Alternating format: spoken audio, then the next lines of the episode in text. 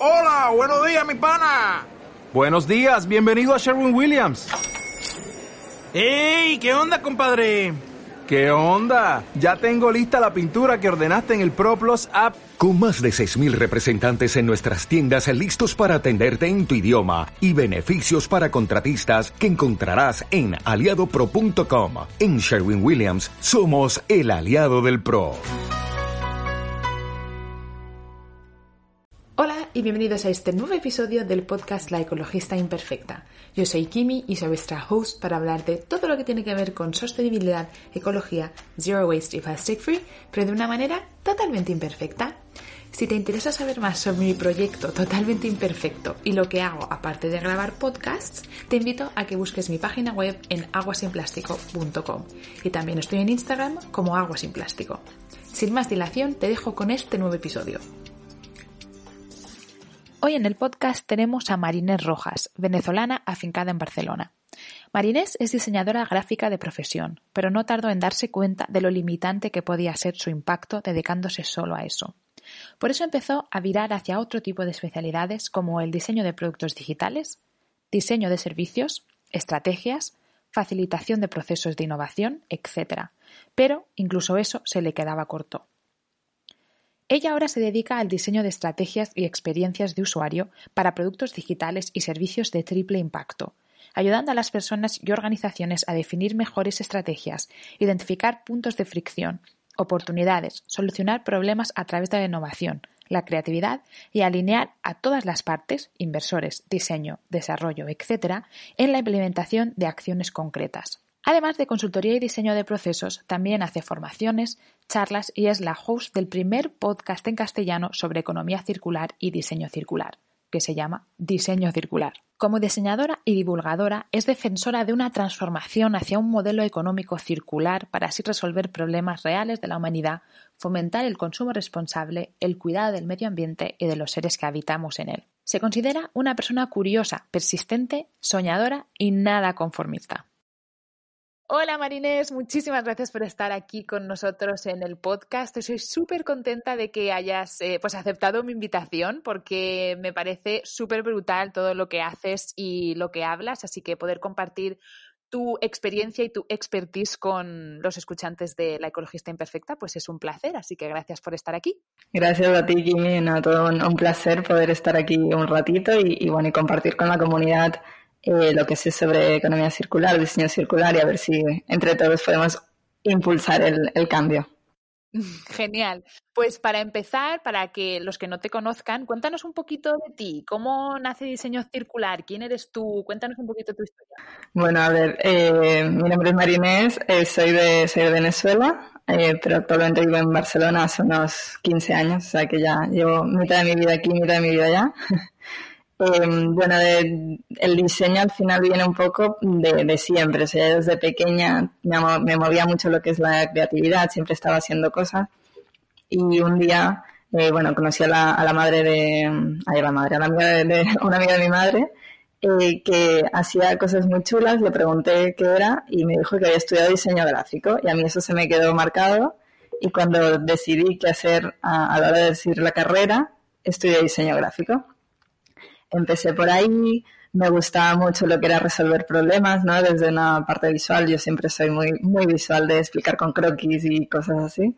Y, mm, y pasado el tiempo, no pasó mucho tiempo, a lo mejor un año, me empecé a dar cuenta de que los problemas visuales estaban bien, pero mm, como que yo necesitaba más, como que necesitaba problemas más, más complejos. Entonces fui evolucionando en, mi carrera, pasé el diseño gráfico al diseño de productos digitales, al diseño de experiencia de usuario, que es, digamos, mi, mi expertise, luego al diseño de, de servicios, diseño de estrategias, liderazgo de equipos, creación de negocios, bueno, estaba yo metida ahí en, en todos los ajos. Y, y, bueno, llegó un punto que en mi carrera estaba muy bien, pero como que, bueno, sientes que te, te falta algo, ¿no? Notas ahí un gusanillo que dice, esto no, no, no acaba de estar del todo. Y, y bueno, un poco estudiando, leyendo, un día descubrí lo que era el concepto de la economía circular. Entonces, yo siempre he estado muy metida en temas de, ecologismo, de sostenibilidad, siempre, bueno, la me llaman mis amigos la hippie, ¿no? La que siempre está reciclando, que cuida el planeta, no sé qué. Bueno, supongo que todos habéis pasado por esto. Y sí, sí, sí.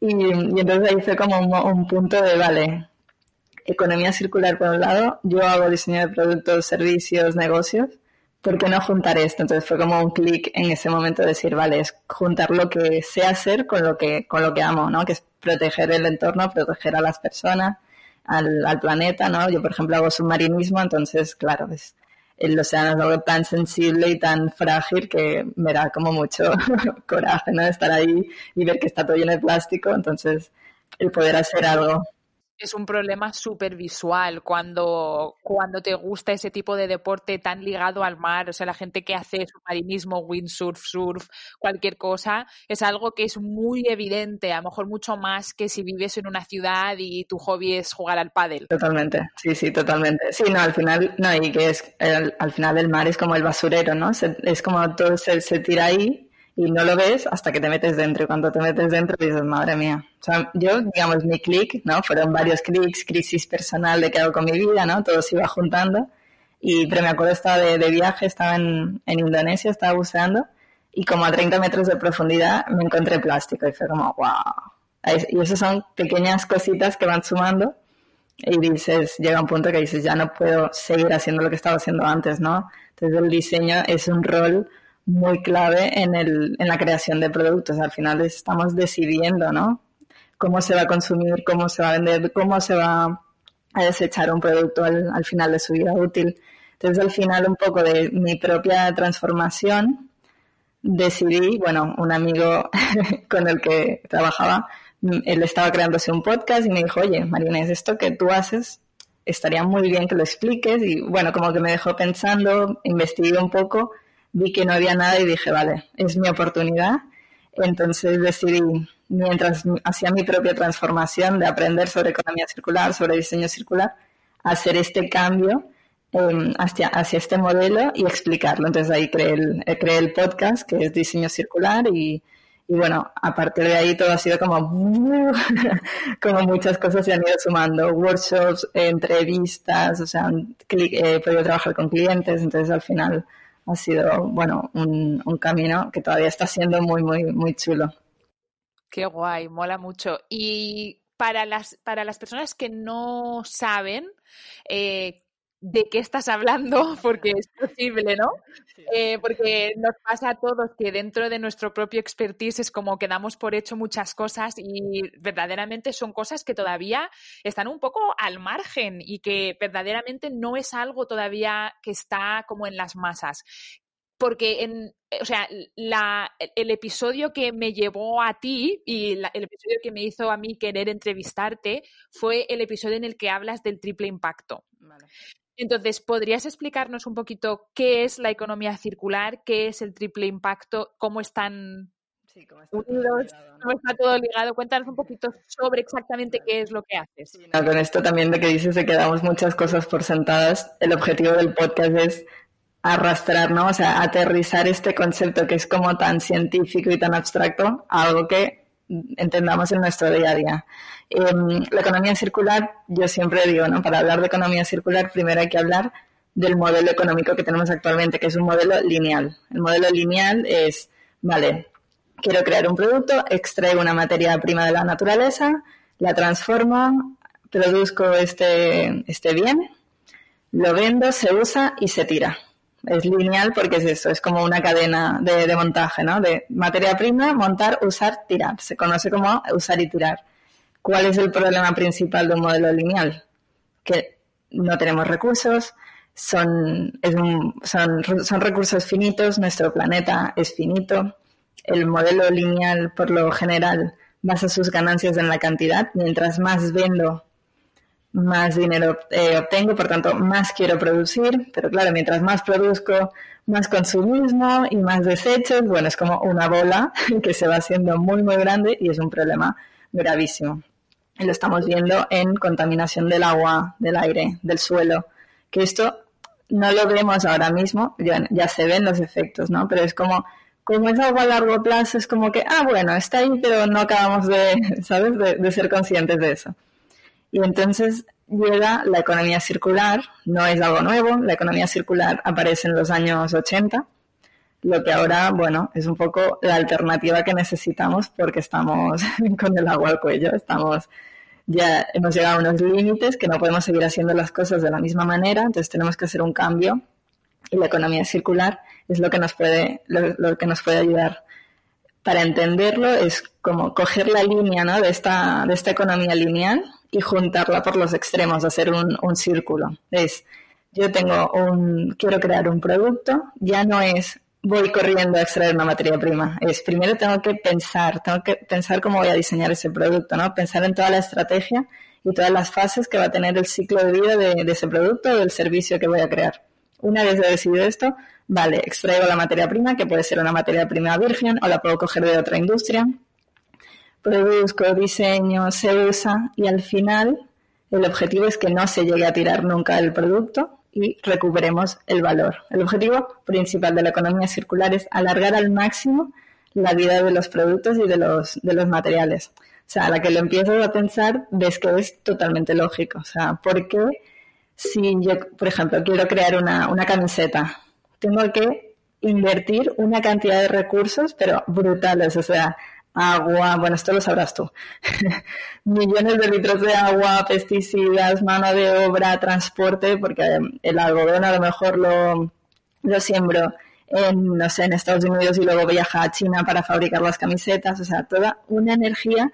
Y todo eso en una economía lineal, cuando llega el momento del final, se tira. Y entonces todo ese valor se pierde. Entonces el objetivo de la economía circular es intentar recuperar ese valor de, de cualquier manera, ¿no? A través de, de algunas de las estrategias como pueden ser la reutilización, el, la renovación, la, reparación, el reciclaje, que es como la, última de las opciones. Yo, yo siempre digo que, que al final el residuo es una decisión de, de, diseño. O sea, que existan residuos porque no lo has pensado antes. Sí, porque lo que, lo que me viene en mente cuando te oigo explicar esto, que alguien podría decir, bueno, pero eso ya se hace porque reciclamos. No. ¿Qué, dirías a esto?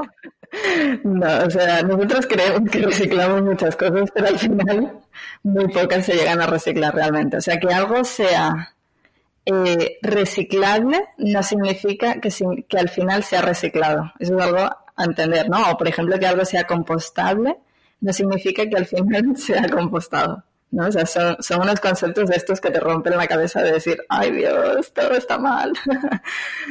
pero, pero es así, o sea, sí que se recicla, obviamente, pero el porcentaje es tan, tan bajo y todavía no hay, no hay políticas, no hay medidas de decir, vale, yo creo, quiero crear un producto y que me, y que me salga más barato coger una materia reciclada como materia prima. Todavía es mucho más barato, en según qué sectores obviamente, coger materia virgen. Entonces, claro, tienes que, eh, bueno, es que tienes que competir con unas cosas que, que son totalmente eh, ilógicas. O sea, sí que reciclar está bien, ¿no? es como, no dejéis de reciclar, por favor.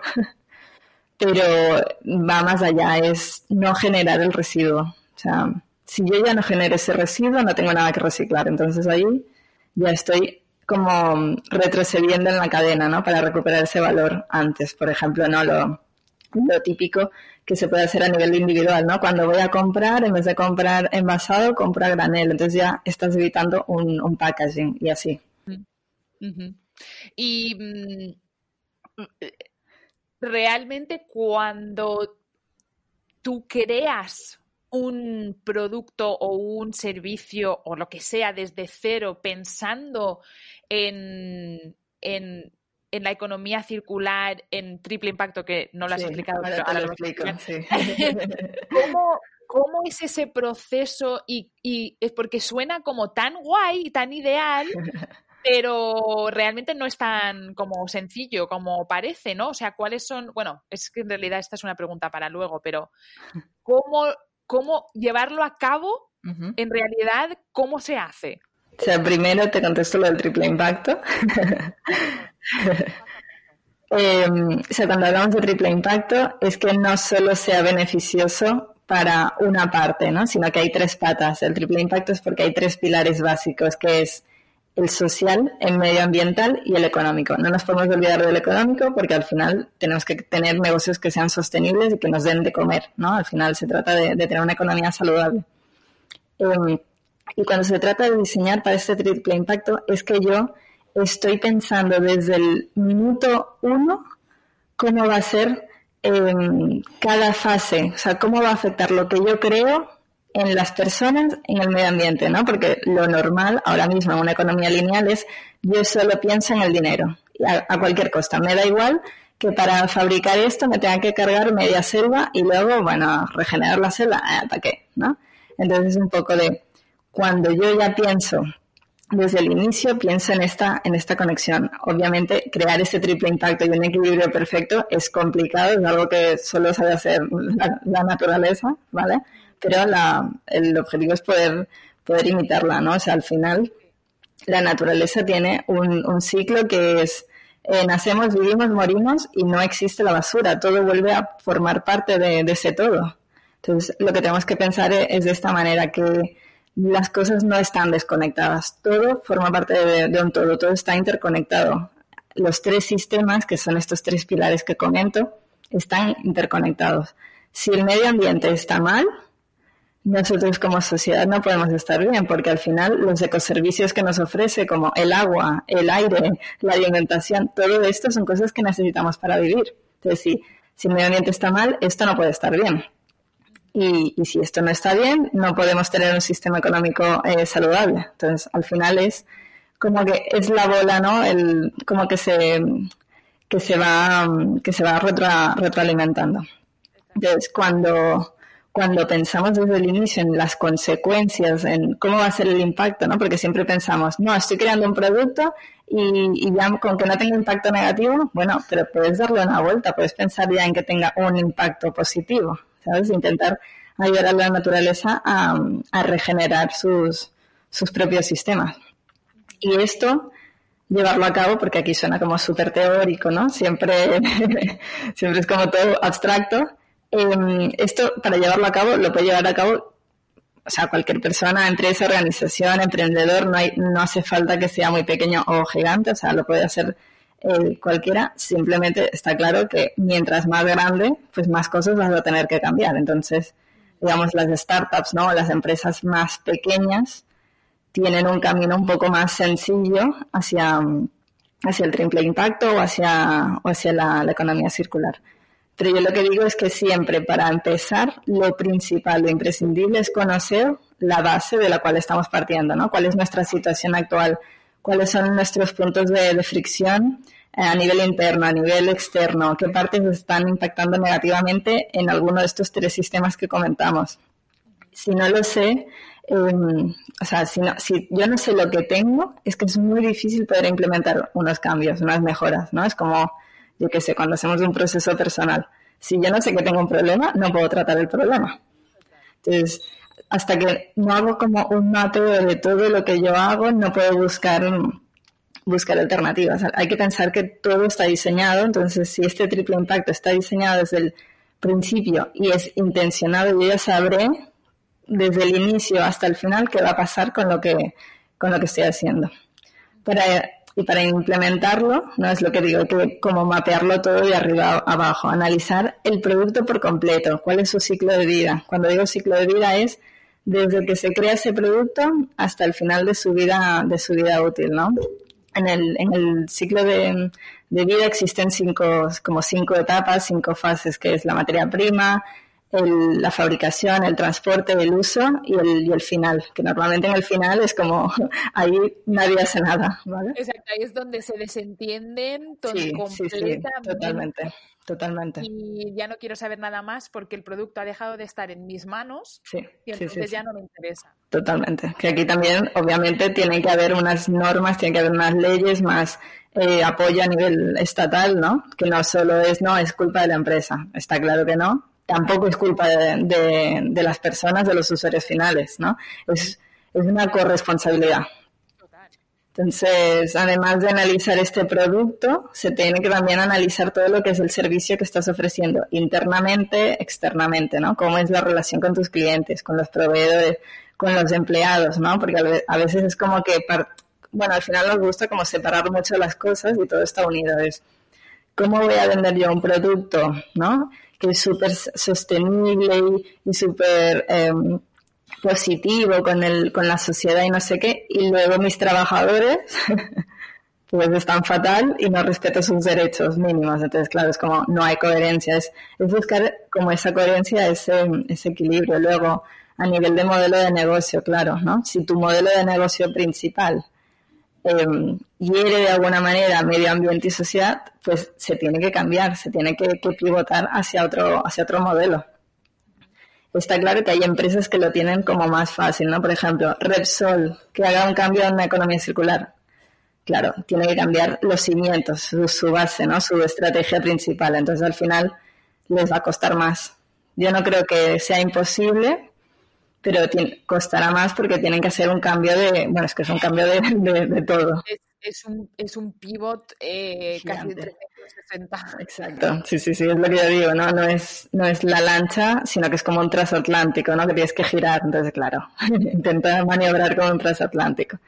Entonces, luego, luego es eso, o sea, hay como muchos puntos que hay que analizar. Es como tener una fotografía de arriba abajo de qué es mi empresa, qué hace, por qué lo hace, cómo, hasta dónde llega. O sea, es, es un, bueno, es, una, es un mapeo bastante em, específico, bastante grande, pero es lo que te digo, si tú no analizas y no ves los problemas, no puedes poner solución. Es así.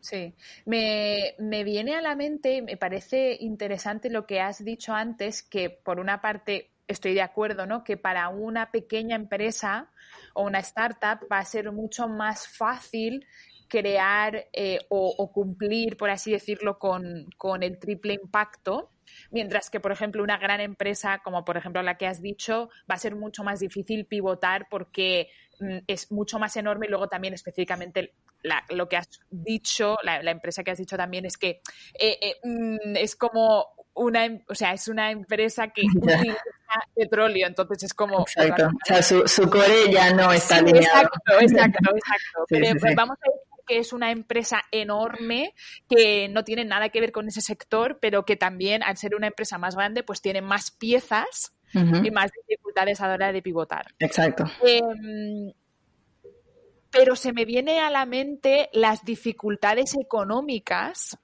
que puede tener una pequeña empresa para sobrevivir si, por ejemplo, las materias primas, por ejemplo, eh, son más caras y los márgenes, por, y por consecuencia, los márgenes son menores. ¿No? Entonces, eh, por una parte, no sé, ¿eh? Sí, sí, sí, no, es, que... como, es como todo, todo tiene sus pros y sus contras, ¿no? Una pequeña empresa tiene más facilidad porque tiene menos piezas, pero a lo mejor al tener que, ¿no? Em, o sea, el, gran problema de un pequeño empresario al final o una startup son a veces los márgenes. Sí, sí, sí. Entonces, sobrevivir cuando tus márgenes son más pequeños, cuando estás empezando, es más difícil.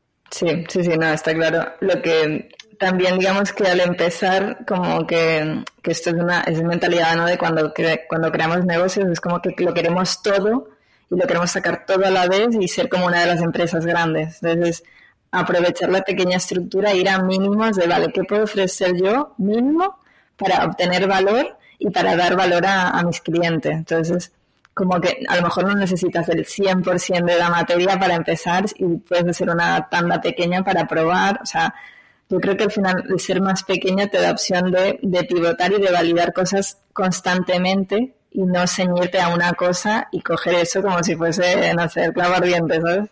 Sí, sí. Es que me viene a mente una amiga que tengo que lleva, no te estoy, mm, estoy en coña, años que ella quiere, ella cose, ¿vale? Ella sabe coser y se le da muy bien y ella quiere crear como una línea de productos eh, reutilizables tipo em, los cotton rounds, o sea, los algodones para la cara, los discos desmaquillantes, todo este tipo de cosas, bolsas, todo esto.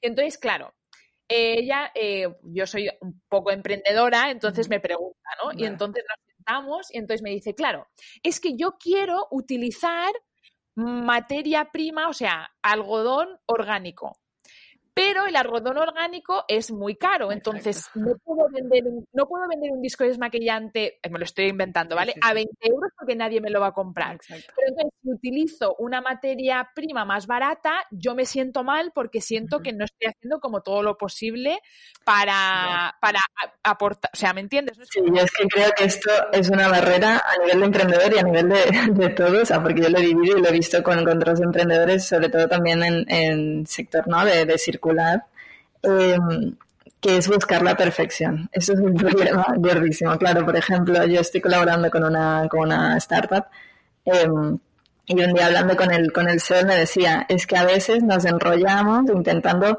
que sea todo perfecto. Claro, es como, no, es que si quiero tener este triple impacto y ser circular, claro, todo tiene que estar súper en coherencia, ¿no? Tengo que venir con la materia prima lo más orgánico, que venga de producción local, luego el transporte tiene que ser eléctrico, claro, es, vale, yo creo que lo importante es tener claro tu visión, hacia dónde quieres ir, pero no puedes empezar teniéndolo todo porque es que es imposible, o sea, no, no, no te dan los márgenes, no puedes ni, probar la idea.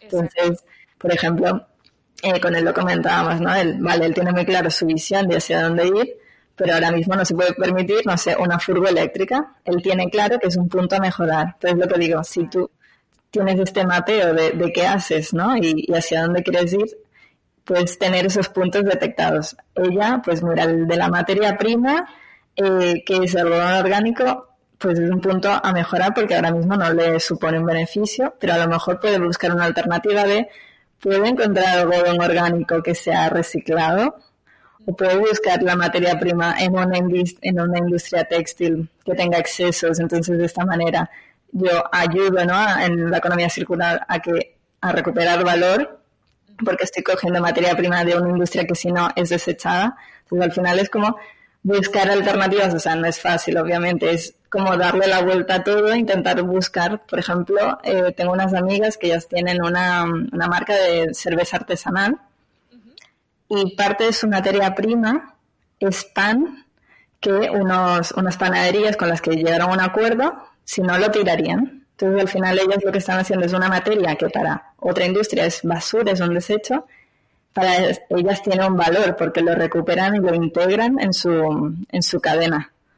Entonces al final es eso, ellas podrían haber dicho, no, quiero cebada como súper ecológica, no sé qué, para crear la, la cerveza, pero fueron más allá y dijeron, bueno, ¿y si esta cebada la podemos encontrar en otro producto? ¿sabes? Entonces, bueno, mirando, mirando, dieron cuenta que el pan es un, es un, iba a decir un artículo, es un, es un, es un alimento que, que se desecha muchísimo. Aquí en España, bueno, es, es una barbaridad. Entonces dijeron, podemos, además de coger esa materia prima, atacamos un problema. Entonces, bueno, es como un win-win.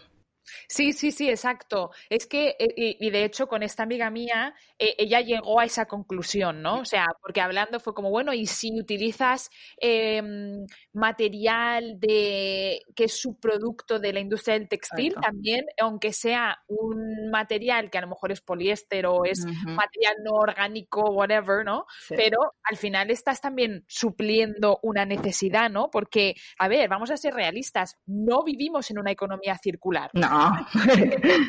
no estaríamos aquí hablando. Entonces, es muy bonito hablar de ello y es importante eh, empezar a dar pasos hacia eso, pero no podemos pretender que de un día para otro eh, todo sea circular. Entonces hay que entender el problema actual y efectivamente entre el momento en el que lleguemos a una economía totalmente circular entre, entre eso y ahora, pues va a haber un periodo de transición. Totalmente, totalmente, sí, sí. O sea, por ejemplo, tu podcast lo dice muy bien, ¿no? la ecologista imperfecta. No, hay que buscar la perfección, es que es así. Y creo que en esa transición hay un montón de oportunidades para un montón de empresarios, ya sean pequeños, medianos o grandes, de hacer un gran impacto positivo, sin ser perfectos. Totalmente, totalmente. No, es, es eso. Yo, por ejemplo, ¿no? Estoy colaborando con una, con una startup que ellos tienen un sistema de envases reutilizables para industria de takeaway, ¿vale? Entonces, claro, porque esto es un problema en todo el tema del plástico de un solo uso. Entonces, tú compras y ese envase a lo mejor ha durado 10 minutos y ya lo tiras. Entonces, claro, ese valor murió. Entonces, ellos ponen este sistema de por medio entre el restaurante ¿no? y, el, y, el, y la comensal, la persona que, que va a comer el, el alimento. Entonces, claro, al final lo que están haciendo es poner este sistema, pero claro, es como ser perfecto sería, bueno, tener, no sé, 300 miles de envases, ir a toda España, ir a todo el mundo, ya, pero no puedes ir a eso, tienes que empezar por, por algo pequeño. Entonces tienes que probar, pues mira, en Barcelona, ¿no? Vamos a probar, tal, y vas, y vas, vas viendo cómo que funciona, vas creciendo y luego vas sumando recursos y tu visión es clara. Entonces, yo creo que lo importante es tener tu estrategia súper presente de decir, cuando te empiezas a desviar, decir, a ver, ¿por qué estoy haciendo esto y hacia dónde voy? Vale, perfecto, volvamos. y es esto. Sí. Y, especialmente creo la importancia de hacer las cosas y tomar decisiones de una manera consciente. De decir, vale, como has dicho el ejemplo de, esta startup que sí, vale, el, la furgoneta que voy a utilizar no es de, no es eléctrico, pero yo lo sé y lo he decidido porque para mí ahora mismo en este punto de mi negocio no me lo Esto, es lo que tiene sentido, pero sé que es un punto a mejorar y en cuanto pueda cambiarlo, pues lo voy a hacer, pero ahora mismo no puedo. Porque si no significa morir. sí, sí, sí, no, claro, es como, no, me tengo que dejar ahora, no sé, 30.000, 40.000 euros en una furgo eléctrica, no sé qué, o sea, no, no puedes, y menos cuando eres emprendedor y estás empezando, es imposible. Y vamos a ser realistas, vivimos en un país, en España, donde, tío, o sea, no nos lo ponen nada fácil a los emprendedores. No, no, no. O sea, no nos lo ponen nada fácil como para encima estar fustigándote sí. porque no lo estás haciendo todo a la perfección, ¿sabes? Totalmente, totalmente. Y en tu experiencia, Marinés, a que tú trabajas con, con, empresas, un poco ayudándoles en este proceso, ¿cuál es el aspecto más difícil eh, en cuestión de cumplir o de, o de hacer economía circular o cumplir con el triple impacto? Bueno, o sea, lo principal es, saber dónde fallas. Esto es lo, principal, ¿no? Que mucha gente no sabe ni que tiene un problema, ¿no? O sea, entonces, por ejemplo, hay, herramientas, hay una, hay una evaluación que es online que lo puede hacer a todo el mundo. O sea, tú misma si quieres luego te puedes meter y hacerlo. Em, que se llama evaluación de evaluación del impacto B y lo han sacado un sello de empresas que se llaman B Corp o empresas B, B Corporation y lo que hacen estas empresas es un sello que busca el triple impacto. O sea, si tú tienes esta, esta certificación, tienes que pasar unos exámenes, unos puntos, te hacen toda una, como una auditoría, o sea, no es pago y ya está. O sea, hay todo, todo un, examen detrás. Em, quiere decir que tú estás haciendo, estás cumpliendo el triple impacto. Entonces, para la gente que, que está empezando las, las empresas o, o, simplemente que tienen curiosidad de ver en qué punto están. Está súper bien. O sea, luego, si quieres, te, te, paso el link para que lo compartas. Dejaré, dejaré el link, sí, en la descripción del episodio para cualquiera que esté interesado. Si buscas evaluación del impacto B, es una, es una plataforma que es gratuita, que es online y que te hace un poco un mapeo. No, no es no es súper específico de tu, de tu empresa, pero puedes tener así como no la, la big picture de. Sí, sí, sí, totalmente. Entonces yo creo que, o sea, barreras que existen hoy es entender cómo implementar esto, entender dónde tienes el, problema, ¿no? Mucha gente, en, vale, todo esto está muy bien, pero ¿cómo lo hago en mi propia empresa? Aquí ya la gente eh, cuesta, ¿no? Luego, em, sobre todo lo que comentábamos de tener muy claro el propósito eh, de, de, tu empresa. Es social, es medioambiental, se puede un poco tunear para adaptarlo o es, no, usa petróleo y esto ya no hay nada que hacer, ¿no? Entonces, eso es, es una barrera, ¿no? Si ya tu industria de por sí tiene un core que es muy difícil adaptarlo al triple impacto, es un cambio muy, muy complicado. Entonces, casi que es, es, muy, es mucho más fácil crear luego otra organización más pequeña, ¿no? En plan, siendo tú esta organización grande, tener una más pequeña y a partir de ahí intentar mejorar las cosas y ir dejando la grande para irte por la pequeña, esto, em, o sea, son opciones que, que hay. Luego otra barrera, en la mentalidad cortoplacista. Esto es algo de, no, no, lo quiero ya y quiero el dinero ya y todo ya. Claro, esto es un problema y no solo empresas, ¿no? Esto es a nivel de, sociedad. O sea, yo siempre pongo el ejemplo de, de, Tinder, ¿no? De, lo quiero ya y si no siguiente y es todo así, ¿no? Es como queremos las cosas inmediata. Y las cosas pues llevan su tiempo sí, ahí, ahí em, no sé si, perdón que te he interrumpido, pero hablando que justo antes de la entrevista estábamos hablando de Simon Sinek, que es un autor que me encanta, el libro que tiene, el del juego infinito, Eh, no, sé si lo has leído. No, este no me lo he leído, este no. Pues te encantaría, porque habla justamente de este tema, ¿no? Él se centra mucho en el liderazgo. Él, es, es como, esa es como su área, pero todo es extrapolable, ¿no? Y él habla de la importancia de entender que dentro de los negocios, dentro de la economía, pero extrapolable a cualquier cosa, hay que dejar de mirar de manera finita y empezar a mirar y, y de manera infinita, ¿no? De, de, cuál es el legado que estamos dejando más allá de nuestra propia vida, ¿no? y, qué están haciendo los negocios, ¿no? Cuando eres, cuando eres CEO, cuando eres cualquier cosa de liderazgo de un negocio, ¿cuál es el legado que va a dejar tu proyecto, tu negocio? Sí, sí, sí, totalmente. ¿No? Y cuando te das cuenta de que los proyectos es, y que el mundo es infinito, y cuál es tu misión a, a nivel infinito, es cuando de repente tu mentalidad es como que cambia un poco, porque ya no es tan cortoplacista. Sí, es eso, es, bueno, yo, yo creo que también es ver esto, ¿no? La, la conexión de todo, o sea, de que lo que yo hago aquí afecta más allá y aunque no lo vea directamente, luego a lo mejor a los años tiene un impacto. O sea, es, es todo el cambio climático, ¿no? La crisis climática es como ah, bueno, a mí no me afecta, no, no, no hay crisis, ¿no? Este rollo de como no está en tu, en tu patio, ¿no? En tu backyard, ¿no? Que dicen, eh, es como, no me afecta, entonces al final está todo, todo está ahí. O sea, yo, por ejemplo, otro, otra barrera que hay, ¿no? De por qué problemas hay para introducir este concepto y es el tema de los prejuicios. O sea, hay un prejuicio de que todo lo relacionado a proteger personas, proteger al planeta, pues que no da dinero, ¿no? Que no hay un beneficio económico. Entonces, claro, está todo como, mm, no, es que todo se puede, todo se puede, se puede unir, todo está unido al final. Sí, total, total. ¿Y mm, crees que a día de hoy es posible o hay alguna empresa que lo haga de forma, a ver, perfecta. Pusimos la palabra perfecta. Eh, ¿Existe una manera de hacerlo perfecto? Bueno, es que el primero es esto, ¿no? El tema de perfección no existe. O sea, ¿qué es la perfección? ¿Qué significa ser perfecto? Ya por aquí mal, no.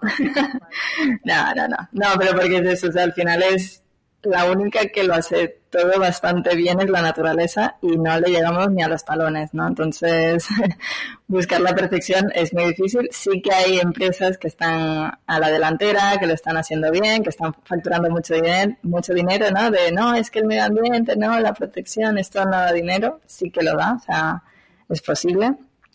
Eh, por ejemplo, en el directorio de, de empresas B Corp, de las empresas de que, que te he comentado del triple impacto, hay empresas, hay bastantes que han pasado como la medición base, o sea, para aprobar tienes que tener más de 80 puntos en base a 200. Y no hay ninguna que tenga 200, ninguna. Y, son empresas que lo están haciendo muy bien y que están dando pasos gigantes. Pero es esto, las mejores del mundo, ¿no? Que están ahí detectadas, eh, tendrán entre 150 y 170, o sea, para que te hagas una, una idea. Sí, sí. pero guau, me encanta que lo hayas dicho porque porque nos puede ayudar a poner las cosas en perspectiva. Yo soy muy de, de, ver las cosas, ¿no? Y cuando tienes datos, eso te ayuda mucho a, entender mejor y a poner las cosas en perspectiva. ¿Hay alguna empresa que tú admiras en este campo? Mm. Sí, a ver, sí que hay empresas que, que, lo están haciendo bien. Por ejemplo, hay un ejemplo que es como oh, el ejemplo cuando se habla de economía circular. Eh, es Patagonia. Patagonia es eh, la empresa esta de ropa técnica de deporte. No sé si sabes, ¿sabes cuál es. Sí, sí, sí, sí, sí, claro, por supuesto. Vale, por ejemplo, ellos tienen en la, en la medición esta como 150 puntos. Para que te hagas una idea. En plan, es una empresa que lo hace súper bien, que su core es el cuidado medioambiental y, no llega a los 200, o sea que al final, pero a mí, bueno, me gusta mucho cómo lo transmiten todos, son muy auténticos, o sea, la esencia, todo, todo lo hacen como súper alineado, hay mucha coherencia. Otra empresa que, que, está bien, o sea, que me gusta cómo, cómo lo están haciendo, eh, Hola Luz, eh, que están aquí, en, están aquí en España, que es una empresa... que, ¿no, que no la conozco, ¿no? Hola Luz es, es de electricidad es una empresa de electricidad. ¿Española? Em, sí, sí, es española. Es ah. una. No sé, no sé. A ver, ellos dicen todavía startup. Yo creo que no sé si tendrán, no sé, a lo mejor tienen seis años, no sé, esto me lo, invento, me lo, invento, porque no sé cuánto, cuánto tiempo tienen, pero son, son startups, digamos, pero son startups de estas con ciento y pico trabajadores, ¿vale? que dices, vale, esto ya es un poco grande. Em, ellos están aquí en están aquí en Barcelona y lo que hacen es ofrecer electricidad 100% eh, renovable, o sea, energía renovable 100%, proveniente de como bueno, lo tienen como todo súper bien detectado, ¿no? Hay mucha transparencia. Sabes exactamente, bueno, tú como consumidor, ¿no? Pero ellos saben exactamente qué proveedor les está dando esta, esta energía. O sea, para que te hagas una idea, ellos lo están haciendo muy bien. O sea, yo conozco gente que trabaja ahí y me gusta mucho la filosofía, cómo, cómo cuidan a los trabajadores, ¿no? Cómo tienen este, este como apoyo a la comunidad. Y para que te hagas una idea, ellos dentro de la escala B Corp tienen como 98 puntos. O sea que, ¿no? Que dices, wow, 98, 200. Pero es que, claro, llegar a 200 tienes que tener todo, todo súper bien atado. O sea, en, el, en esta evaluación que, que hay, hay como cinco áreas, entonces va un poco lo que te he explicado al principio, desde analizar tus proveedores, tus empleados, cómo es el impacto que tienes medioambiental, ¿no? El rollo consumo de agua, eh, a nivel de residuos, te hacen que lo, que lo analices todo y ya te das cuenta de eso, ¿no? O sea, haciendo todo eso no llegas a los 200, o sea, que imagínate las preguntas que hay ahí. Sí. Pero es esto, no, yo no conozco ningún ejemplo que sea perfecto a nivel de empresa grande. Luego sí que, claro, te vas a em, empresas mucho más pequeñitas, ¿no? En plan, yo que sé, gente que es artesana, que ha hecho las cosas de una manera toda su vida, eh, que protegen muchísimo los procesos y la materia, saben el coste que tiene y no van tirando las cosas por ahí. Es que al final es esto, o sea, cuando vemos residuos, todo eso es dinero que estás tirando, todo. Todo eso es, cuando, cuando tiras comida es dinero que tiras. Cuando tiras un smartphone y no recuperas todo lo que has puesto ahí, estás tirando todo ese dinero. Entonces. Total, y es una pena, realmente estamos, estamos malgastando, aparte de los recursos, que al final, bueno, está todo unido, ¿no? Pero también un montón de pasta que estamos tirando, que ¿cuánto pasta habrá en un vertedero? Sí, sí, sí, no, sí, yo, siempre le digo, ¿no? A, veces me preguntan, ¿no? ¿Y cómo haces para, yo qué sé, las organizaciones que, les cuesta ver esto o, o, cómo las convences, tal? Con la pasta. Eso es, esto va así. O sea, al final es, a ver, ¿qué tienes tú aquí? Mira, a lo mejor, no, esto se tiene que ser como súper específico, ¿no? Te vas a ahorrar X. Claro, esto se te ponen los ojos como platos de, hostia, vale, es que cuidar el medio ambiente me da pasta, sí. Claro, porque al final, imagínate, o yo, en vez de extraer esa materia prima virgen, que a lo mejor me cuesta, me lo invento, ¿no? Mil euros, encontrarla de otra manera em, como subproducto de otra industria me cuesta 500, claro. Imagínate, te estás ahorrando muchísimo. O he hecho un producto, ¿no? He construido, yo qué sé, un ordenador, un móvil, y al final de su vida útil em, hago que me lo retornen y en vez de cambiar absolutamente todo el móvil, solo cambio la cámara, la batería y no sé, la pantalla, ¿no? Lo, lo reacondiciono. Claro, ¿cuánto me ha costado como empresa mantener esto? Súper poco comparado con fabricar uno nuevo. Claro, también, por ejemplo, ahora mismo le sale más barato fabricar uno nuevo porque los diseños, o sea, los procesos no están diseñados para recuperar y para, para mantener. Por ejemplo, hay un, hay un producto que me gusta mucho, que ellos también hacen economía circular y, bueno, no lo he comentado, pero me gusta, es de los mejores. Es una empresa que se llama um, Fairphone, no sé si la conoces. Son Fairphone, como el, el, móvil justo, ¿no? Fair de justo. Ah, Fairphone. Sí, bueno, tu, tu pronunciación es mejor. y, y, este móvil eh, es un móvil que está hecho eh, modular, ¿no? Está hecho para que cuando, yo que sé, se te rompa la cámara, te compras la cámara y la cambias tú. Además, no tiene como 10.000 tornillos, es todo súper fácil de hacer. O sea, está diseñado desde el minuto uno para que tú lo puedas reparar y para que lo puedas mantener y que te dure muchísimo tiempo. Al final estás alargando su vida al máximo. eso es brutal. Sí, sí, es increíble. Y es ese tipo de cosas que tenemos que. Esas, esas son las cosas que, que, van a ayudarnos a llegar a un momento donde las cosas sean circulares, total, totalmente. Sí, y es esto, no, no es dejarse cegar por la perfección, porque si no empiezas a buscar pegas en todo. Total, y entonces no haces nada. Sí, totalmente, totalmente. Y yo siempre lo digo, mejor hacerlo bien al 50% sí y mal al 50% que hacerlo mal al 100%. Exacto, totalmente. Es que es así, es que es así, o sea, lo, has dicho perfectamente. o hacerlo mal al 90%, es que al final todo tiene, todo tiene un impacto, ¿no? Sí, sí, sí. Y algo que es que también se me ha, que se me ha venido a la cabeza cuando estabas hablando del tema de los artesanos, ¿no? Y de que, por ejemplo, ¿no? Patagonia o, o, estas empresas, la que has dicho, La Luz, que, que no llegan a los 200 ni de Fly, eh, ¿crees que es posible que una gran corporación, una gran empresa sea completamente circular? me, explico, o sea, porque de alguna manera es como que a veces yo cuando me planteo estas cosas empiezo a dar círculos y llego como a la conclusión que quizás no necesitamos tantas empresas grandes, más empresas pequeñitas.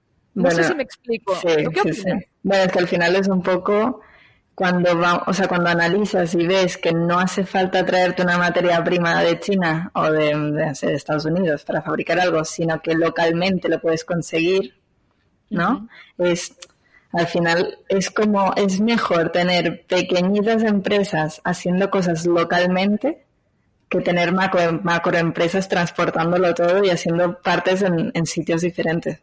O sea, por ejemplo, ahora con, con, el tema COVID, ¿no? Sí. Es como, vale, se para todo, no se puede viajar, no sé qué, vale. Yo tengo mis piezas que me las hacen, no sé, me lo invento. En Francia, bueno, en Francia está muy cerca. en, un poco más lejos. En Tailandia. Sí, bien, bien, bien. claro, todo eso no puedo seguir porque todo esto tiene un transporte que no, que no, que no se puede hacer. Entonces, al final, si esto lo tengo más localmente, que al final te vas a ahorrar costes. Sí. Es esto, al final es todo un ahorro, ¿no? pero yo creo que sí, yo creo que iremos a empresitas más pequeñas y todo más local, em, que lo puedan hacer todo en un sitio y no haya tanto, tanto transporte ni tanta, ni tanta cosa por ahí. Entonces es un poco eh, y esto a lo mejor es como fatal decirlo, no lo sé, pero es un poco antiglobalización. Mm, un poquito. Un poquito. Un poquito. No, porque es, es, verdad que la globalización... Bueno, es que la globalización está bien, pero no para todo. Justo, le iba a decir, la globalización... Mira, es que me has... Mira, ya está, me has, me has sacado la, me has sacado de la boca no tengo nada más que decir. hasta aquí. hasta aquí. Hasta aquí hemos llegado. No, es eso, o sea, sí que está bien, nos ha permitido muchísimos avances y nos permite, por ejemplo, eh, yo qué sé, que hoy yo hable con alguien de México, ¿no? Yo, por ejemplo, con el podcast puedo hablar eh, con gente de todo el mundo, ¿ok? Eso, o por ejemplo, ¿no? yo soy de Venezuela, me permite eh, hablar con gente de, mi país, ¿no? Entonces al final es un poco, eh, sí, tiene muchas ventajas, pero también tiene muchísimos inconvenientes. O sea, que producir algo en la otra punta y traérmelo, eso es una barbaridad. O sea, justo, el, justo el otro día estaba viendo como un, documental de, bueno, que hablan de, de, tacos, ¿no? Tacos mexicanos y de la carne y de todo esto. Y entonces decían que las, como que las vacas las, las exportaban a Estados Unidos y luego ellos mismos les compraban la carne a ellos a Estados Unidos. Era como, ¿pero por qué?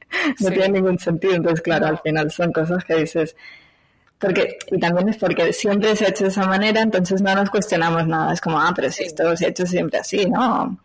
Y, y, yo creo que aquí también, no solo las organizaciones, pero aquí el consumidor tiene también muchísimo poder porque tú decides quién apoyas, dónde compras, ¿no? Por ejemplo, es em, el, el, yo qué sé, el tema del fast fashion, ¿no? El tema de la moda rápida. Sí. Es, compro local o compro algo, una prenda que ha venido a saber de dónde, el algodón de Estados Unidos, lo han fabricado en la India, luego lo, han acabado de tener, no se me lo invento, en Tailandia, y luego ha venido a España. Es como, mm, ¿es necesario todo esto? entonces, al final, como consumidor, también apoyamos los negocios y apoyamos Em, bueno, el, consumo responsable. Sí, al final eh, todo vuelve a lo que has dicho al principio de que, desgraciadamente, hasta ahora, porque estamos en una eh, economía lineal donde solo se ha mirado por el margen económico. Sí. Pero en algún momento nos tenemos que empezar a preguntar, ¿a coste de qué?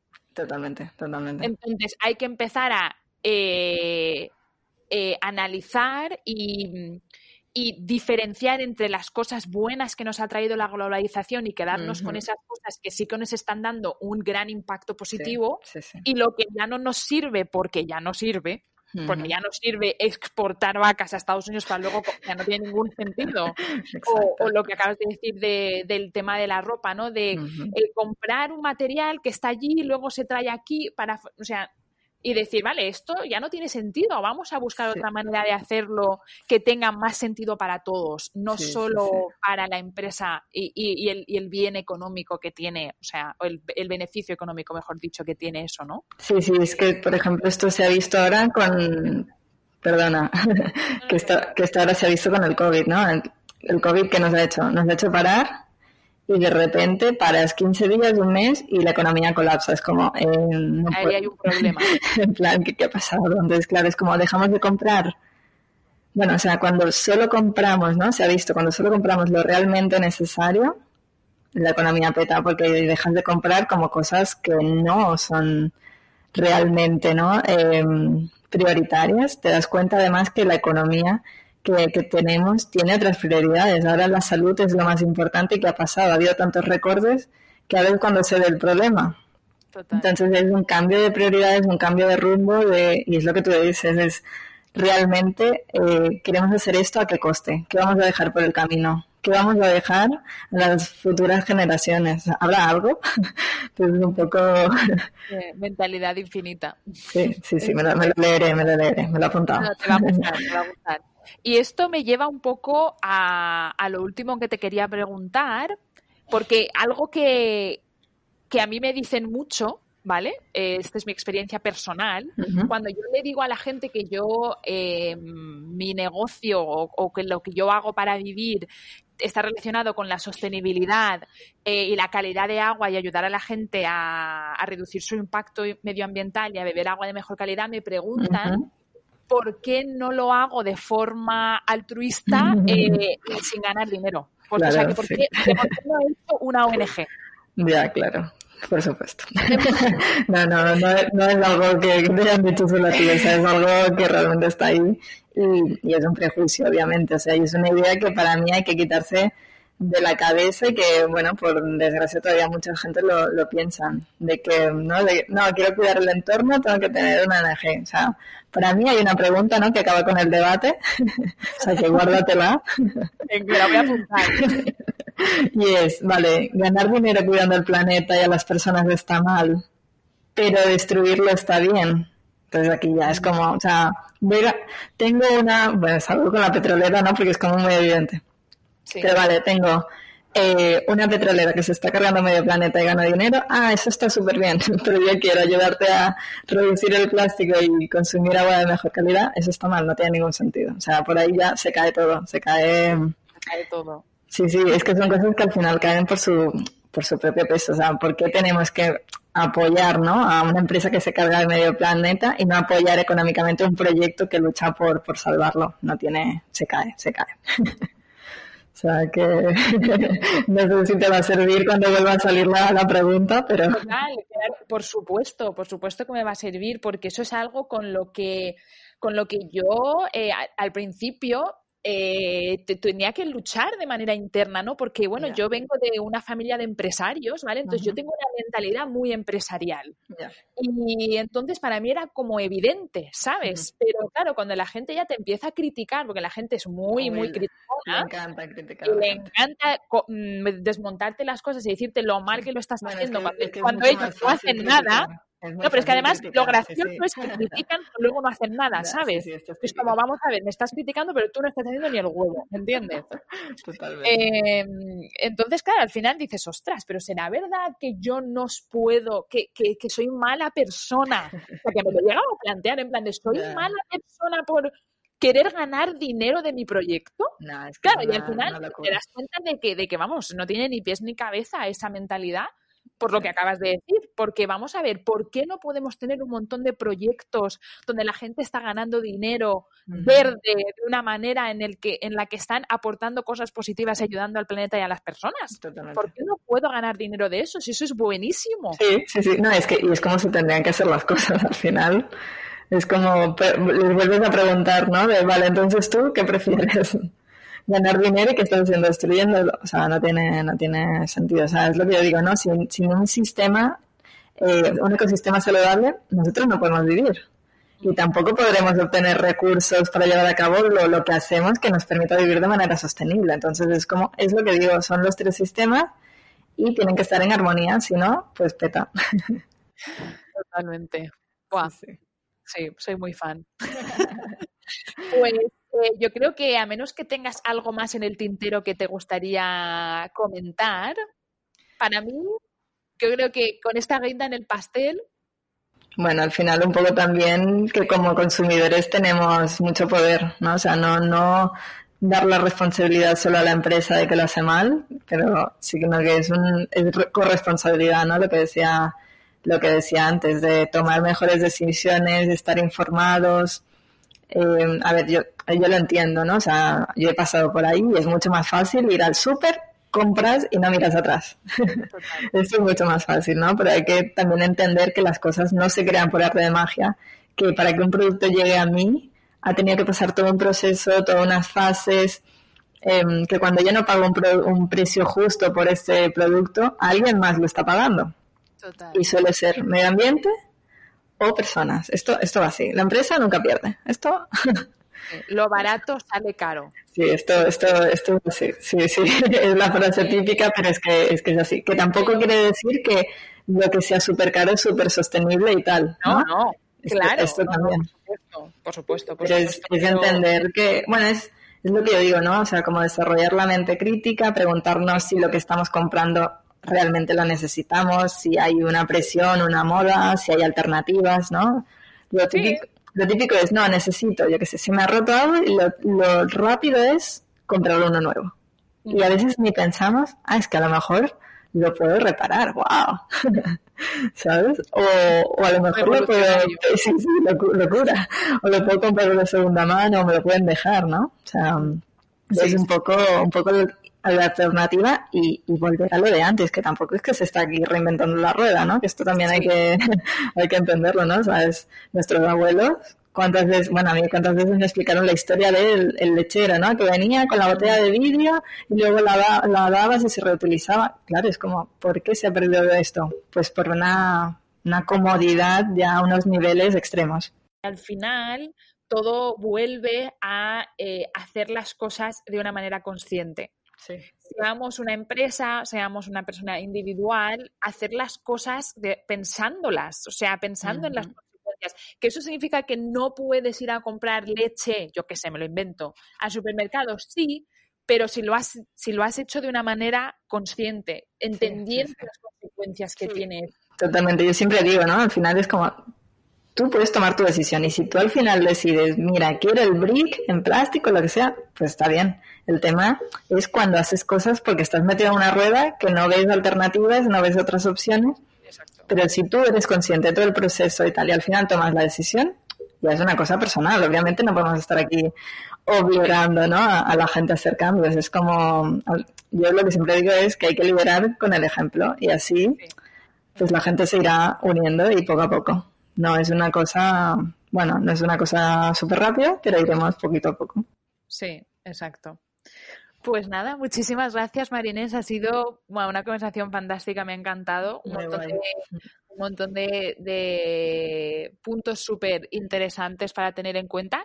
Y bueno, en el caso de que alguien esté interesado en eh, tener una. Porque tú haces consultorías también, me imagino, ¿no? Sí, y mentorías, sí, sí, sí. Exacto. Si alguien está interesado en implementar el triple impacto y pues a ten- tener un proyecto más eh, mm, de economía circular, pues pueden mm, encontrar Sí, más, más sostenible en los tres puntos, digamos. Sí, sí. Sí, me podéis encontrar eh, a través de la web que es www.marinesrojas.com a través del podcast Diseño Circular y o a través de LinkedIn, o sea, me podéis escribir por cualquier red, por Instagram también que tengo, que es diseño circular, diseño circular.